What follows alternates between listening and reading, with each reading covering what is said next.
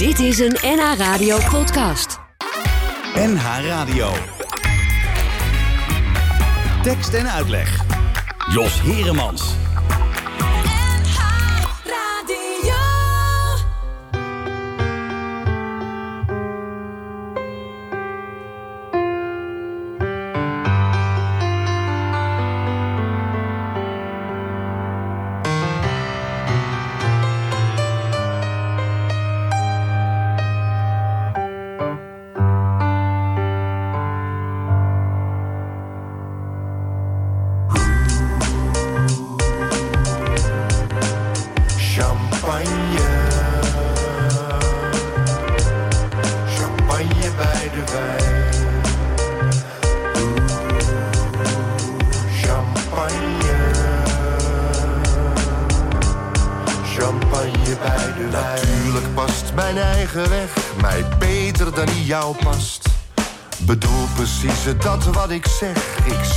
Eigen houvast.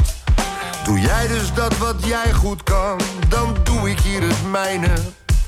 En weet wat ik verwachten kan, althans in grote lijnen. Dit motto heeft me veel gebracht, heb ik alles mee bereikt. Maar soms dan zie je onverwacht iets als je verder kijkt. Bijvoorbeeld dat de overgave geen verliezen hoeft te zijn.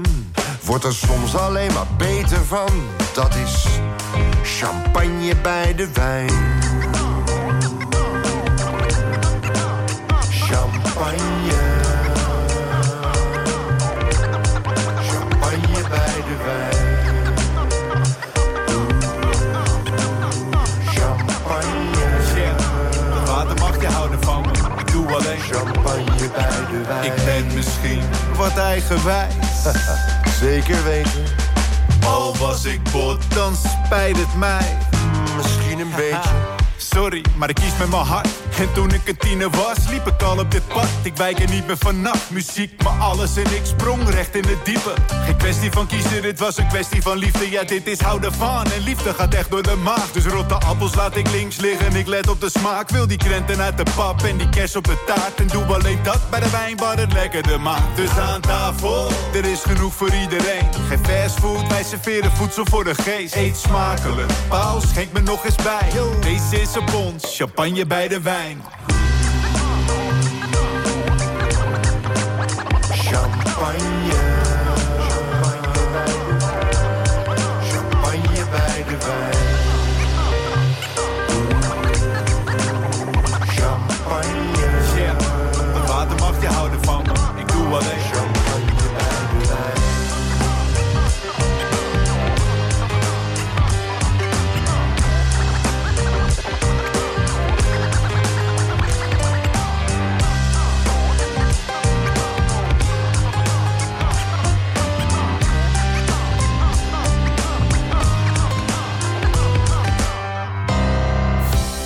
Goedemiddag, welkom bij eh, Tekst en Uitleg op deze zaterdagmiddag.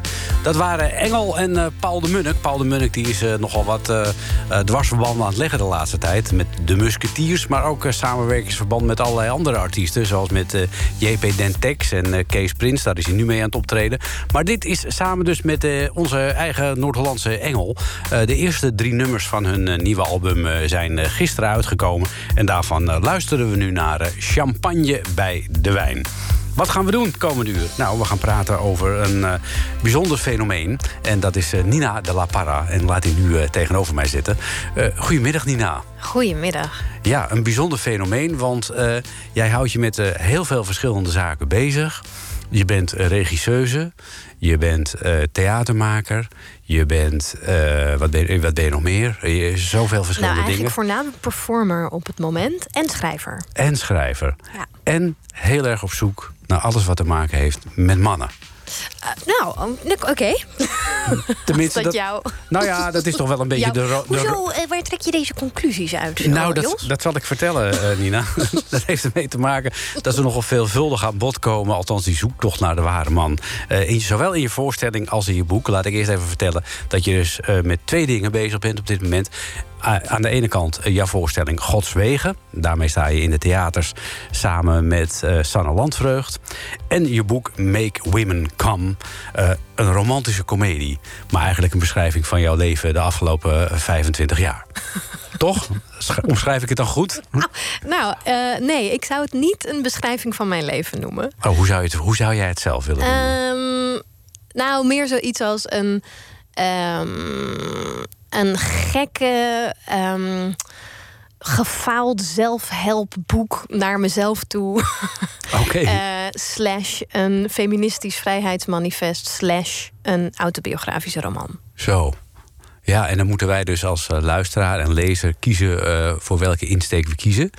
Nee, dat vind ik niet. Dat Je kan niet. Het kan gewoon allemaal tegelijk. Tegelijk net, als dat mijn, net als dat mijn voorstelling ook tussen genres beweegt. Mhm. Dus daarom, ja, ik, ik zie het zelf niet heel erg als één ding. En ik zie het ook niet heel erg als, net als mijn voorstelling, ik zie mezelf niet als dat ik daar privé sta als Nina. En Mhm. in mijn boek zijn er twee personages, die heten Groot en Kleine Nina. Ja. Maar dat zijn personages. Dat zijn echt Ja. personages. Echt personages. Ja. Ja, Ja. Je, je, zegt, je zegt het wel, maar ik geloof het nog niet helemaal. Volgens mij zit daar toch wel 80% waarheid bij.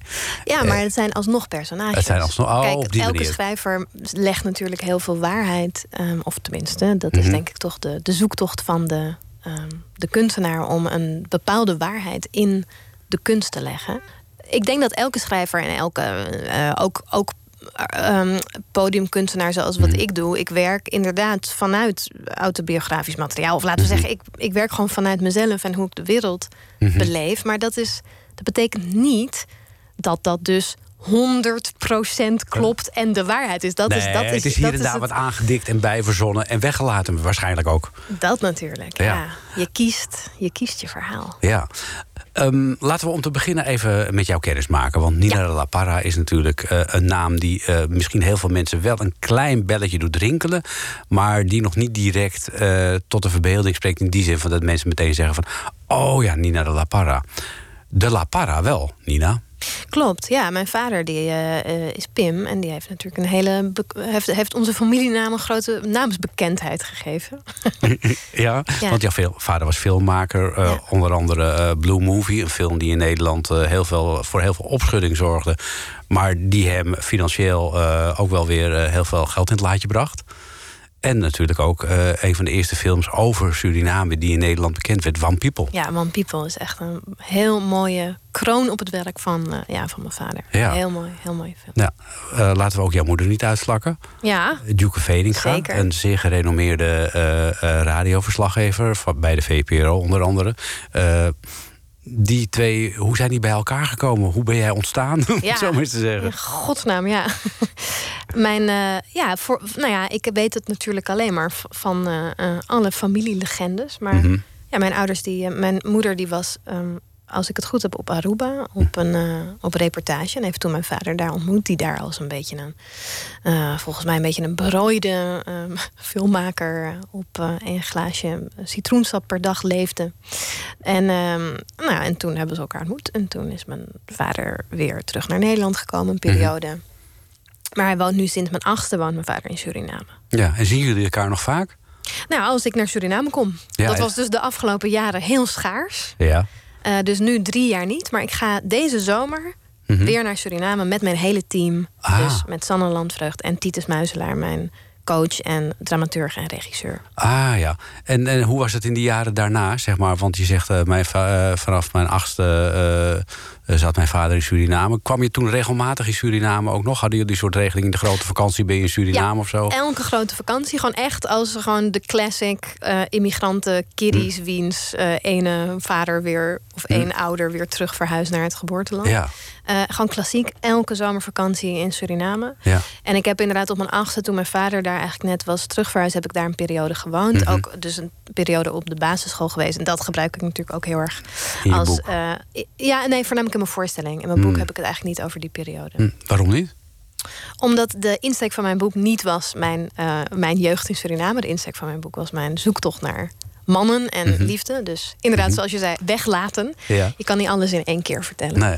En hoe was dat? Want eh, jouw vader dan in Suriname, jouw moeder bleef gewoon de wereld rondreizen. Die maakte overal prachtige mooie reportages, onder andere voor Bureau Buitenland, kan ik me nog herinneren. Ja, ja, echt waanzinnig. Ja, ik ben ook met mijn moeder heel erg veel meegereisd. Dus Mm. als jong kind op die buitenlandreportages. Hoe was dat? een- ja, waanzinnig. Dat was natuurlijk een hele bijzondere tijd dat dat eigenlijk nog kon. En dat ook de, een- de basisschool daar totaal Mm. open over was. Dat ik dan gewoon een heel groot deel van het schooljaar gewoon weg was. En dan was ik gewoon met mijn moeder mee. Mhm. Ah, Naar Tanzania, Indonesië, Vietnam. en kreeg je dan een heel pak huiswerk mee of zo? hoe ging dat? Nee, was gewoon, nee, wat je daar gaat leren is meer dan wat we hier kunnen leren. In de praktijk dan? Je ziet, je ziet hoe, Ik was heel jong hoor. Ik was echt heel jong. hoe, hoe jong was dat dan? Nou, vanaf mijn nulde tot mijn achtste. Ja, nou, En, toch eh, wel een belangrijke leeftijd, toch? Totaal. Ja. En, en delen daarvan ging mijn vader ook mee. Hmm. En dat was gewoon heel, was, was ongelooflijk. Dat En vanaf je achtste in Nederland opgegroeid? Of ging je toen ook, eh zwierf je toen ook een beetje met je moeder mee nog? Nee, dus vanaf. eh, ik, ik ben eigenlijk. De basis is altijd geweest Amsterdam. Mhm. Maar dus met grote periodes in al die, in al die waanzinnige landen. Ja, En vanaf mijn achtste Suriname. ja. Oh, Oké. En tot hoe lang wa- was je toen in Suriname? Nou, en een deel van het schooljaar. En vanaf Oh, dat moment elk jaar, inderdaad, in al die zomervakanties. Tot aan, vorig, of tot aan drie jaar geleden. Ach, ja. Toen was de eerste keer dat, Dat je- dat je er daar niet kwam. Niet heen ben, heen kon gaan. Nee. Dus nee. ik, ik, mijn hart is echt aan het bloeden en ik smacht gewoon om. Oh, Ja, hoe is dat om als blanke, ja, witte, eh, Witte, witte ja. als witte vrouw eh, in Suriname te zijn en dan je toch ook, eh, je bent gewoon Surinaams ook.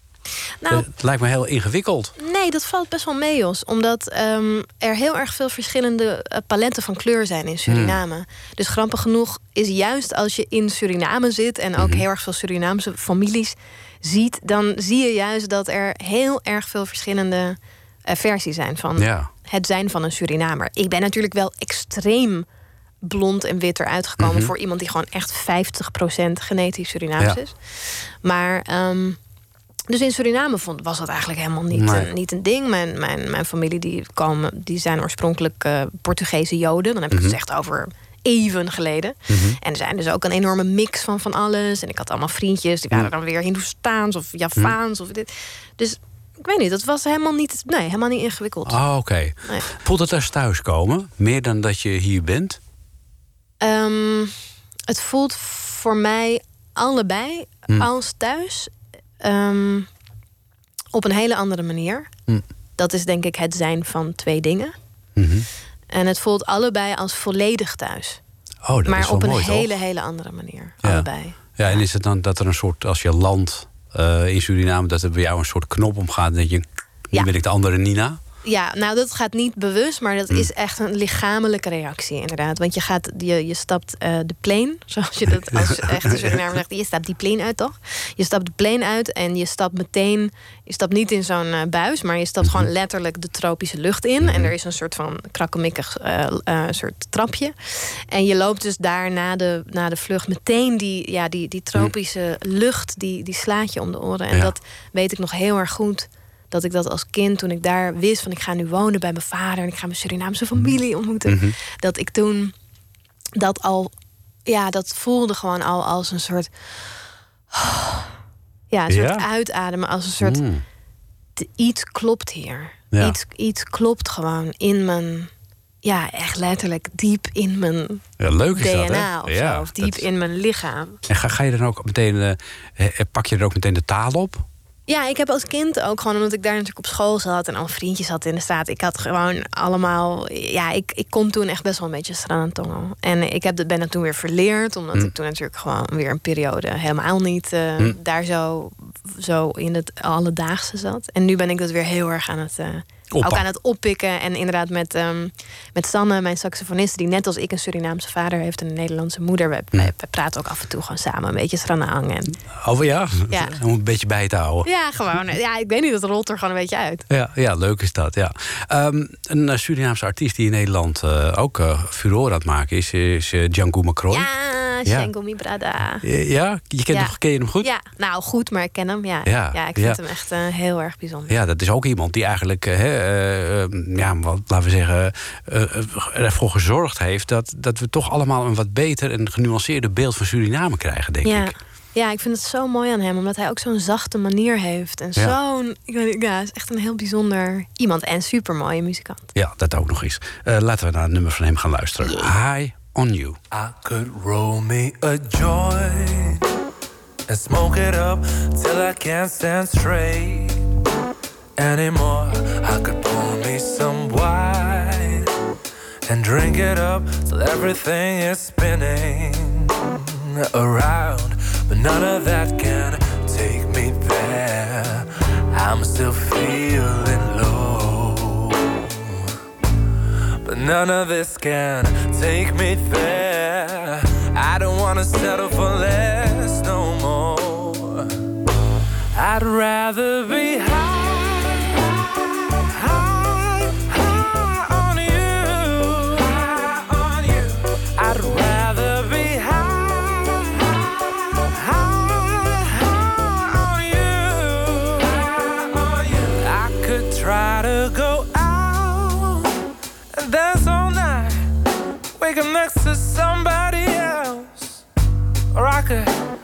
pop some more pills just to feel a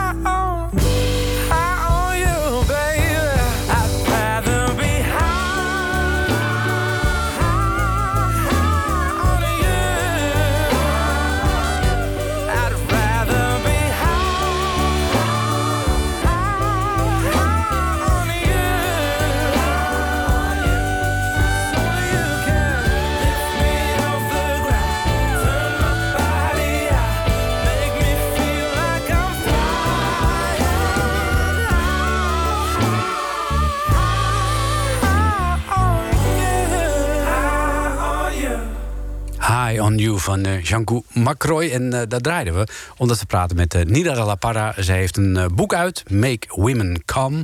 Gewoon in het Nederlands geschreven hoor. Dus je kunt het gewoon. je hoeft geen Engels te kennen om te lezen. En haar voorstelling Gods Wegen, daar staat ze mee in het theater.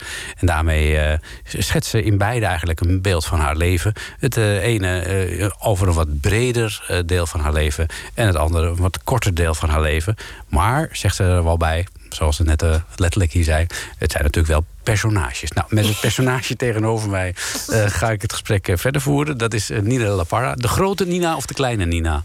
Die hier voor je zit? Ja, die hier voor mij zit. Ja, waarschijnlijk, waarschijnlijk de kleine Nina. Oh ja? Ja, want er is, er, ja, er is een grote Nina in mijn boek.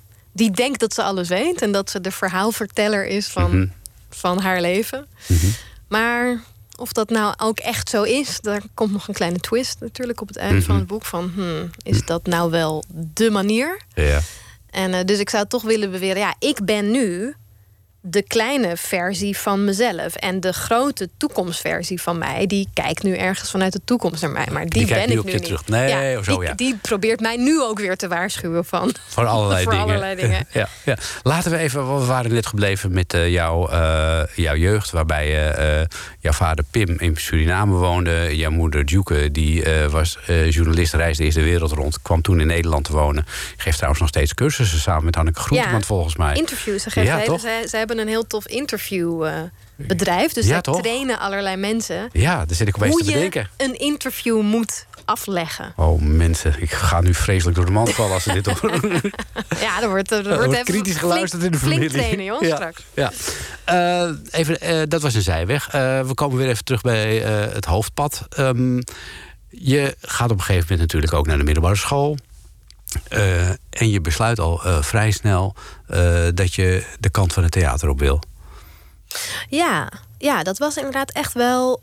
Inderdaad, het was op mijn basisschool al heel erg dat ik het duidelijk was dat ik iets ging doen op een podium of met een podium. Ik was altijd dingetjes aan het optreden, muziek, dingen. Ik was dat op pianoles. Het was, maar toen ging het meer in de richting van muziek. En eh, vanaf het moment dat ik op de middelbare school zat en voor het eerst meespeelde in het schooltoneelstuk of daaraan meedeed, want ik deed soms ook mee achter de schermen, eh, was, het, eh, was ik gewoon verkocht. En was jij degene, het theater. was jij ook dan degene die wel even zijn stem wilde laten doen gelden als het ging om de inhoud of hoe het gespeeld moest worden? Nee, nee, ik bemoeide me niet met hoe andere mensen dingen gingen spelen of zo. Ja. Maar ik was heel erg geraakt door het groepsproces. Hoe, hoe iedereen met z'n allen, kostuum, griem... en hoe iedereen samen die kar aan het trekken was.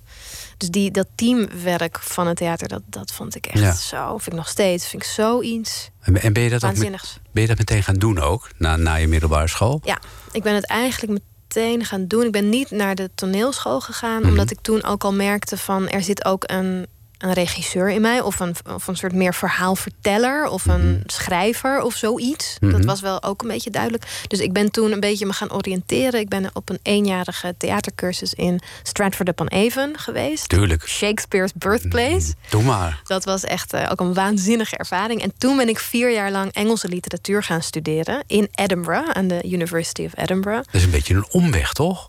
Ja, dat, dat Stratford Ik Pen zie even, nooit- dat snap ik wel. Ik geloof niet zo in omwe. Ik zie dat niet zo. Hmm. Ehm, ik, ik- omdat ik op dat moment heel erg... Ik wilde mijn kennis van taal, teksten, literatuur en dramaturgie verdiepen. Mhm. Ik was heel geïnteresseerd in taal. Engelse taal, Duitse taal. En ehm, ik wilde gewoon... ja, maar überhaupt mijn kennis van teksten op Ja. de wereld verdiepen. En ja, Edinburgh heeft een supergoeie... eh, of al die Britse universiteiten... Mhm. die hebben heel vaak hele goede literatuurstudies. En daarnaast is er dan een soort semi-professioneel studententheater. Dat is heel anders dan hier. Dat is echt op heel hoog niveau studententoneel...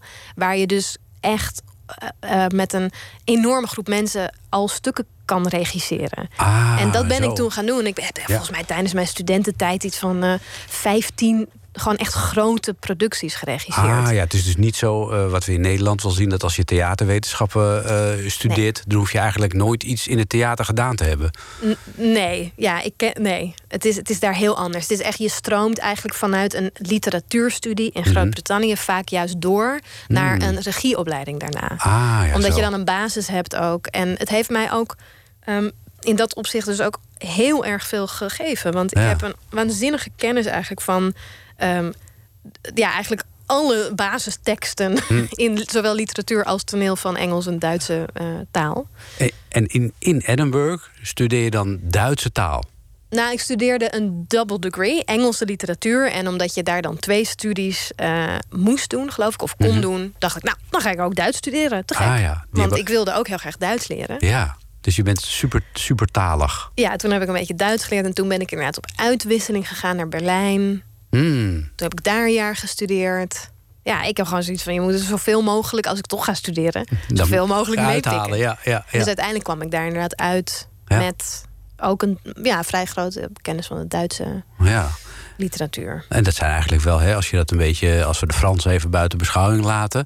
eh, de Engelse en de Duitse literatuur, die hebben natuurlijk eh, ook op eh, toneelmatig gebied natuurlijk ja, de nodige prachtige stukken voortgebracht natuurlijk. Ja, en, wat, ja, en ook waanzinnig. Hm. Ik ben zelf een enorme fan van al die ja, oude witte Duitse mannen. Maar Heinrich von Kleist en Schiller en al die Lessing. En, maar ook Rielke Ja. vind ik een van de mooiste taalkunstenaars ongeveer van de wereld ooit. En ehm, Shakespeare, Marlowe, nou ja, al die, al die, die satire van, Ja. die, van die Britten tegenover dat extreem serieuze van die Duitsers. Ja, die zijn wel wat minder een humoristisch. hè? heerlijke combinatie. Ja, ja. Dat betekent wel dat als je zo houdt van de literatuur.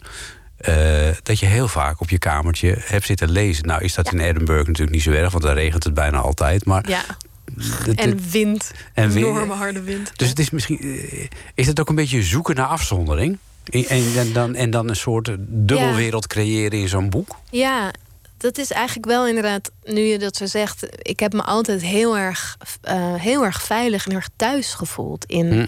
stilte, sowieso. En in de stilte, in een soort intimiteit... met een verhaal van iemand anders. Of, of Hm. als ik zelf aan het schrijven was met mijn eigen verhaal.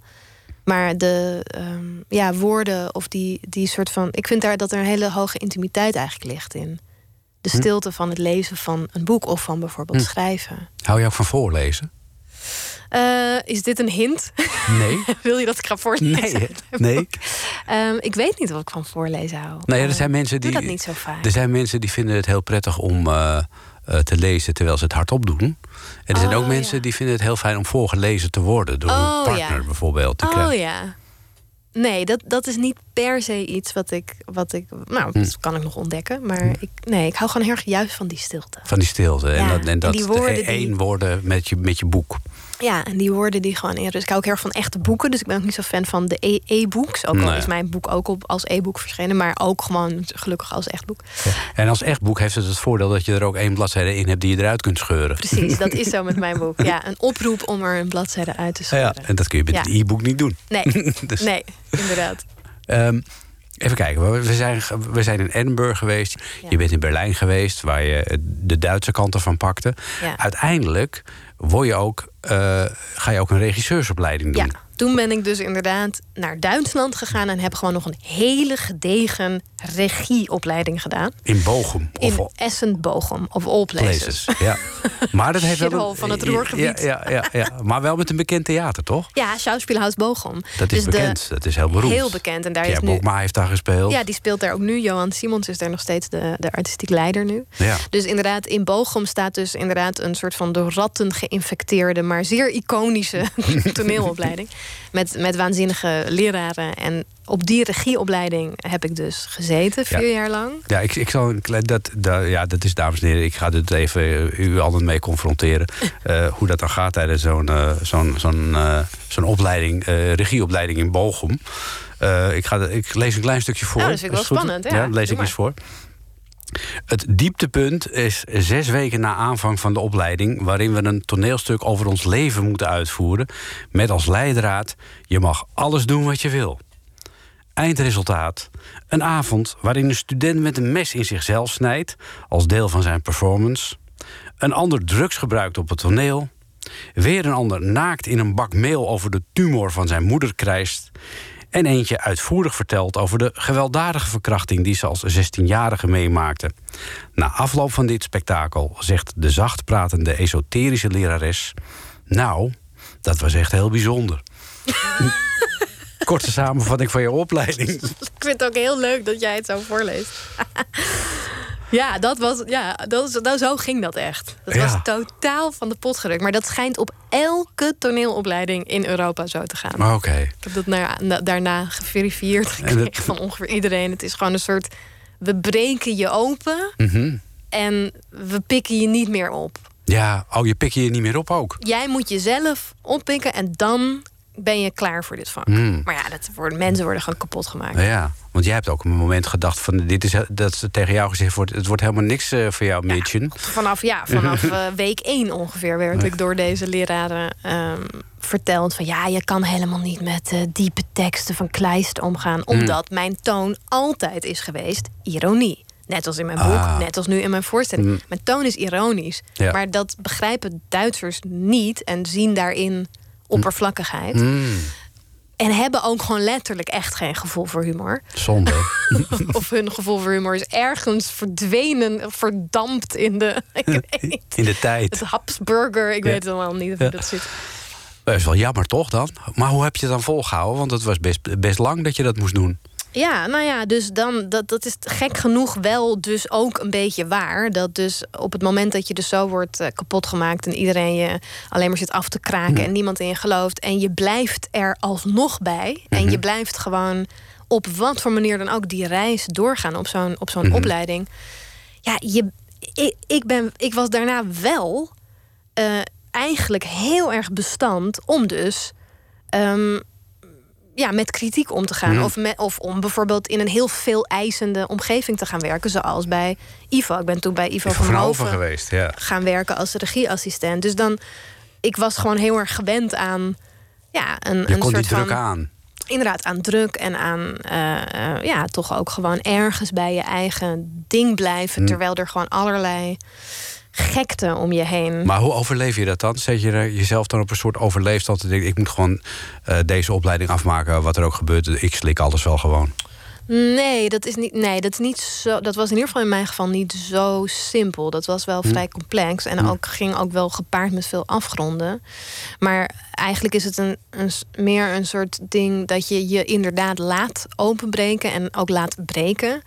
En dat je gewoon dat op, ja, op een bepaalde manier toelaat en daarin kijkt wat er, wat er uit dat as omhoog komt. Oh, Omdat ja. als, je- als je zo voor. Ja, toen ben ik bijvoorbeeld. Toen heb ik al ontdekt, Ja. tijdens die hele opleiding, dat ik liedjes kan schrijven. Ah, zo. En daardoor heb ik nu. Mijn hele voorstelling is nu ontstaan in Nederland. En dat had ik, dat had ik denk ik niet met De- diezelfde noodzaak misschien ook ontdekt Mm. of zo. Als ik. Ja, Ja. als ik eh, alleen maar complimenten had gekregen als regisseur. Of... Nee, precies. Ja, en je bent dus hè, via regie, regieassistent. eh, ben je, je hebt ook een tijdje geregisseerd bij allerlei Duitse eh, toneelgezelschappen. Want in Duitsland heeft iedere stad en dorp heeft zijn eigen theatergezelschap. Ja, ja. Gesubsidieerd ook. Echt enorme grote gesubsidieerde theatergezelschappen in een plek die heet Noise. Nooit, ja. Rijnisches Landestheater Noise. De- Ook midden in het Roergebied. Midden in het Ruhrgebied, oerlelijk gebouw, maar echt met een soort subsidie van ITA of zo. Dat je Ja. echt denkt, huh? Ja, hoe kan dit? Ja. Maar ja, van de andere kant kun je ook zeggen... de mensen houden de cultuur en de, de Duitse eh, literatuur wel eh, hoog in het vaandel zo. Zeker, dat is gewoon een heel, ander een heel andere structuur. Dat is ook heel pedagogisch. Het is Mm. erg bildung, weet je wel? Ah, van, ja. oh, dit is de, de, de mensen moeten door ons worden. Ah, Ze ja, moeten ja. door ons. Dus het heeft ook iets verschrikkelijk moralistisch. Dit is ook een van de redenen dat ik daar op een gegeven moment gillend ben weggerend. Kon Mhm. dat gewoon niet verdragen. Het moralisme van het Duitse stadtheatersysteem. Zo van, ik bedoel dus inhoudelijk, dat ze dus altijd heel erg zo vuist in de lucht eigenlijk de mensen Ja. komen vertellen hoe ze Hoe, hoe ze moeten leven. wat goed en falsch is. Ja, ja, de goed, Richtig en falsch. ja, dus de good mensch, dat is echt wel iets wat eh, in Duitsland nog steeds eh, volop heerst. Ja, precies. Moet je net mij hebben. Ja, Dat klopt helemaal niet. Nou ja, op een gegeven moment hou je daar dan mee op. En dan komt er die voorstelling. Eh, voordat we daarover gaan praten, want en over het boek gaan we straks ook nog verder praten. We hebben je leven een beetje op een rij nu. Dus nu komen voorstellingen en boek bij elkaar. Eh, dan loop je Sanne Landvreugd eh, tegen het lijf. Ja. En Sanne Landvreugd, dames en heren, die kent u allemaal. Want iedereen die kijkt natuurlijk eh, naar Matthijs. eh, hoe heet het nou? Matthijs gaat door. Gaat door, ja. En daar staat er altijd één saxofoniste in beeld. En die saxofoniste, die dan altijd in beeld wordt genomen, dat is Sanne Landvreugd. En ja, die maakt zelf ook muziek. En die muziek wordt dan ook weer gebruikt in de voorstelling van eh, Nina de La Parra. Want ze samen, staan ze op het podium. Luister maar eens even, dit is een hele mooi nummer. Het heet eh, Illusive.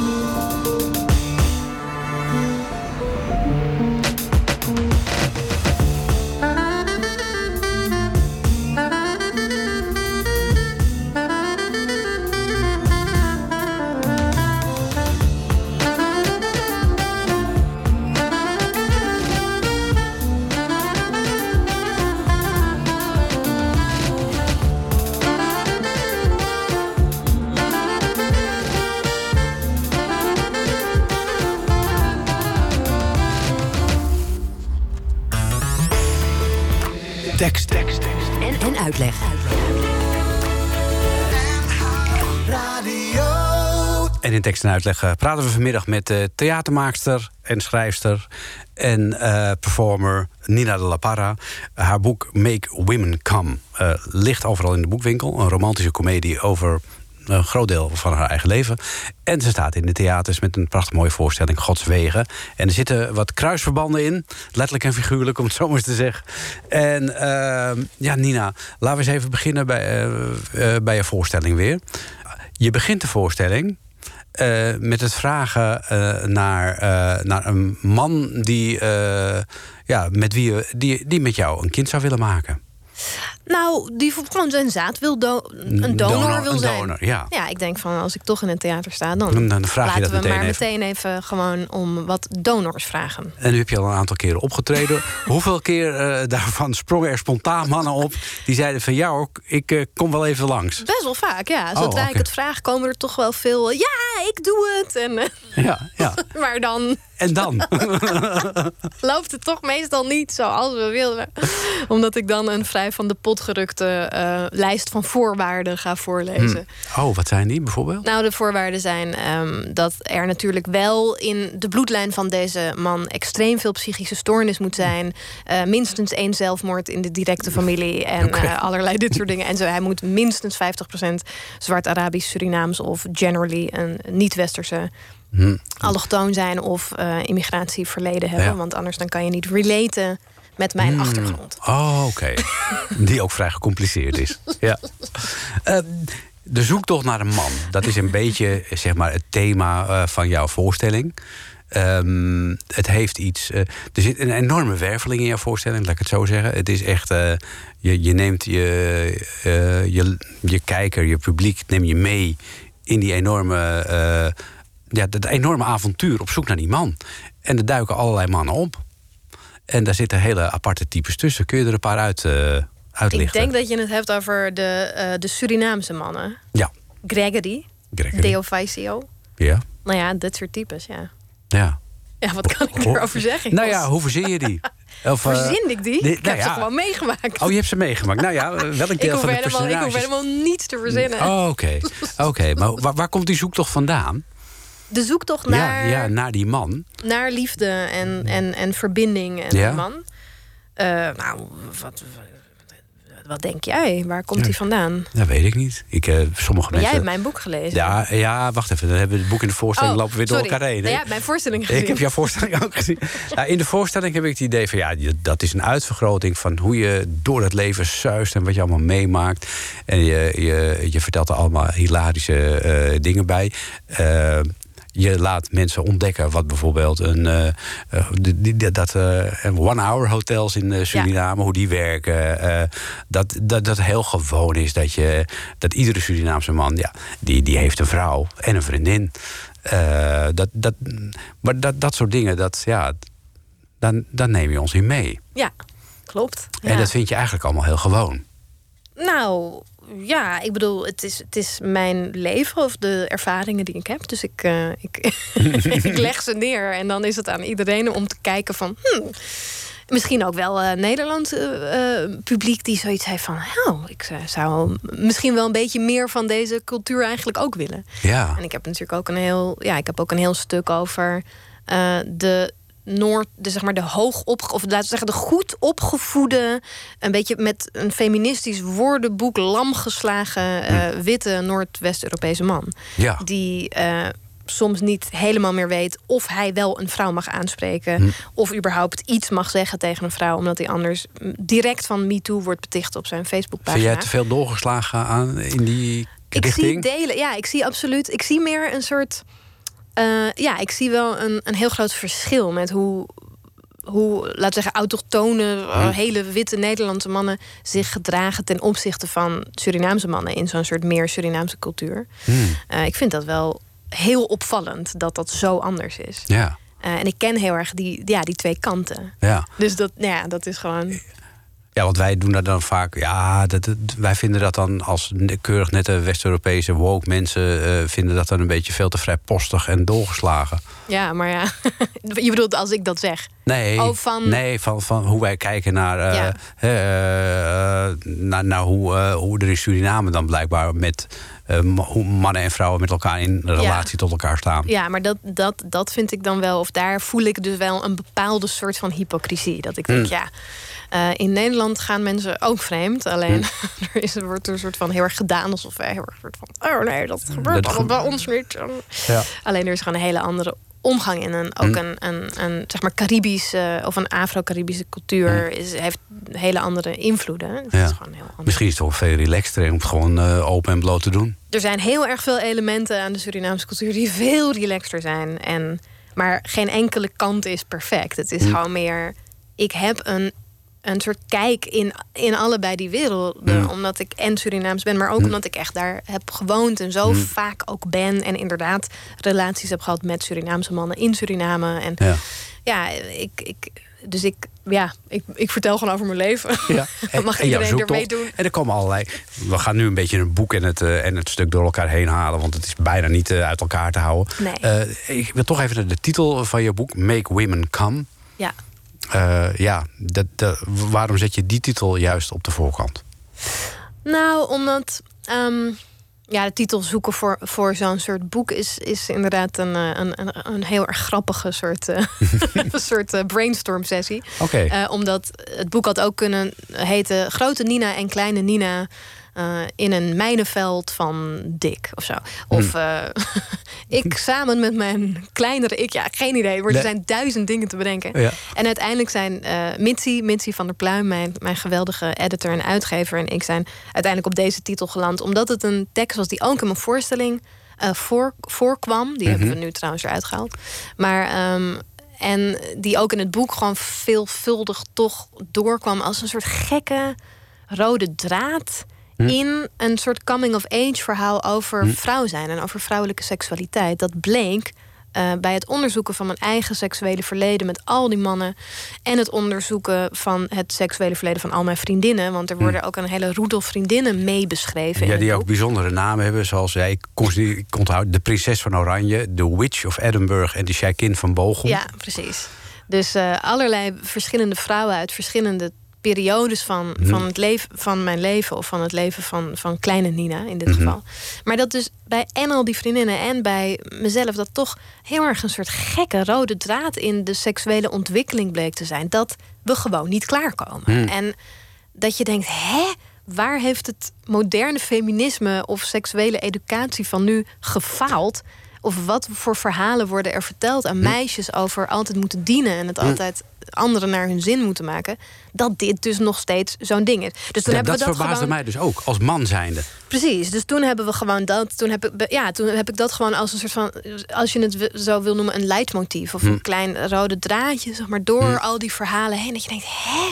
Wat? Want uiteindelijk gaat ook die, die zoektocht of het onderzoek van het boek is ook de vraag: hoe kan je als vrouw nu feministisch zijn? Hoe kan je geëmancipeerd zijn? En met, met feminisme en geëmancipeerd bedoel ik gewoon... hoe kan je vrij zijn? Hoe kan je echt zijn? Hoe kan je met Ja. jezelf leven? Hoe Ja. kan je jezelf zijn? Hoe kan je voor je, jezelf uit durven te komen? Ja. En het onderzoek naar de, de binnenkant van mijn, laten we zeggen, 21-jarige psyche... bleek toch wel... Ja, dat, ik denk dat daar een verhaal in zit over wat vrouwen leren ook in deze samenleving. Om toch ergens. ehm, ja, er, er zijn gewoon heel erg veel boodschappen die jonge vrouwen binnenkrijgen over waar ze allemaal aan moeten voldoen. En dat, gaat, dat, dat, gaat, dat beweegt zich eh, door naar de slaapkamer. En dat beweegt zich eigenlijk in die richting. Dat merkte je nu ook met het hele ding met Boos en met onze nieuwe MeToo-schandaal in dit land. Dat je heel erg merkt, ja, het, het, het komt uiteindelijk er ook weer op neer dat meisjes heel erg vaak leren dat het allemaal hun schuld is.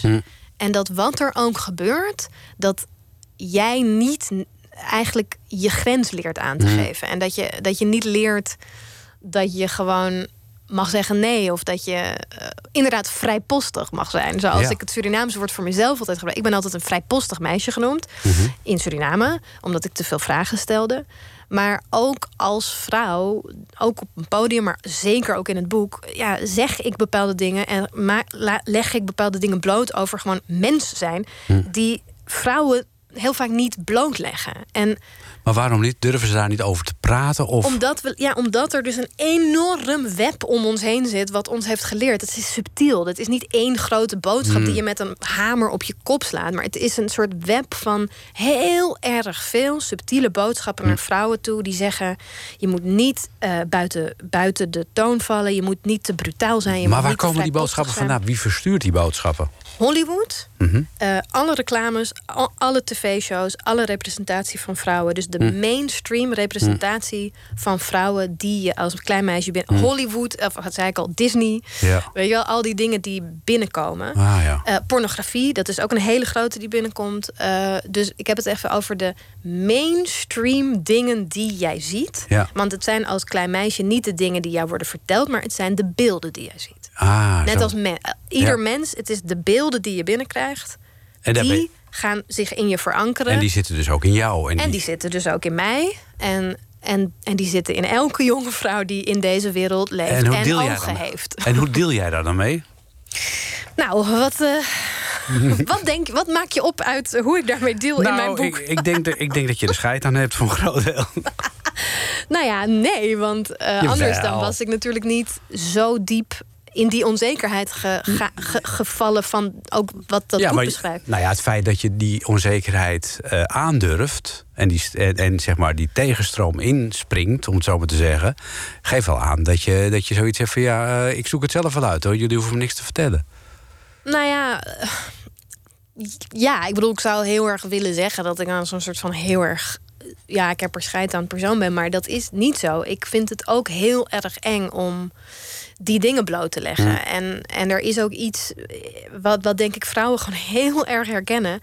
En dat trouwens vrouwen ook afgelopen weekend weer aan me kwamen zeggen na de voorstelling. En ook na het lezen van mijn boek komen vrouwen en zeggen: Oh mijn god, jij zegt wat wij allemaal meemaken en voelen, maar niet durven te zeggen. Mm, ja. Ehm, en dan, dan zeg ik van ja, ik durf het op een bepaalde manier ook niet. Maar ik, ehm, ja, ik weet niet, er, zit, er, zit, er is een enorme soort van spanningsveld wat je eigenlijk als vrouw tegenhoudt om inderdaad op een podium als je bijvoorbeeld op een podium gaat staan als vrouw en gaat vertellen inderdaad van nou ik lig me elk weekend met eh, drie verschillende mannen in bed dat dat is niet de representatie over vrouwelijke En seksualiteit mannen, die mannen kunnen dat weer makkelijker zeggen. Hè? Mannen doen het ook gewoon de hele tijd vanzelfsprekend Oké. op een podium. Dat soort dingen vertellen. dat ja. is gewoon de basis van stand-up comedy. Mm. Is een man die eigenlijk heel vaak gewoon eigenlijk eh, ja, een soort womanizer is of Mm. dingen.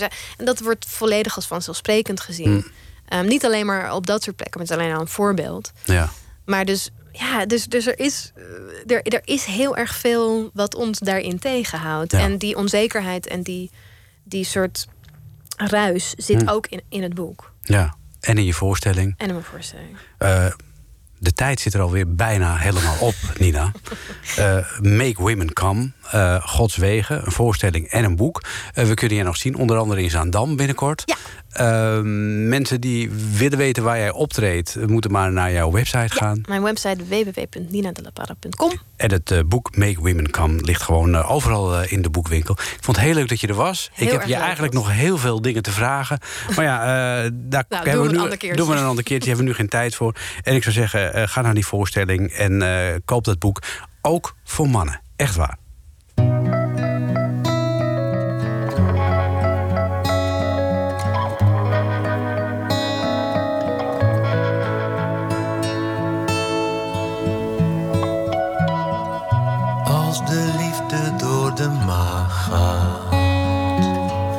Als de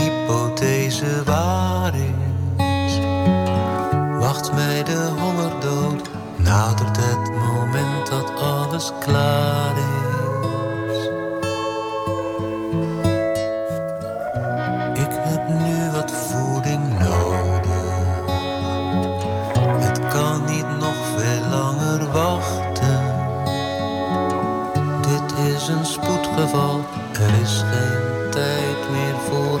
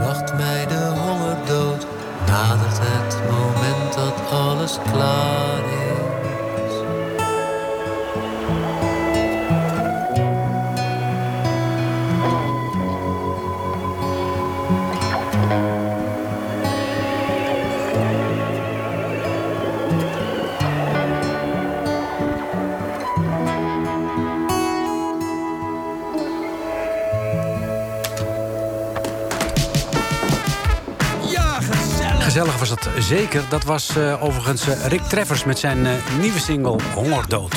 Straks na zessen, Ferdy Bolland met het Gouden Hits Museum En ik wens u nog een gezellige zaterdagavond. Ja, gezellig. Gezellig. Gezellig. Gezellig. Dit was een NH Radio podcast. Voor meer, ga naar nhradio.nl. adiós.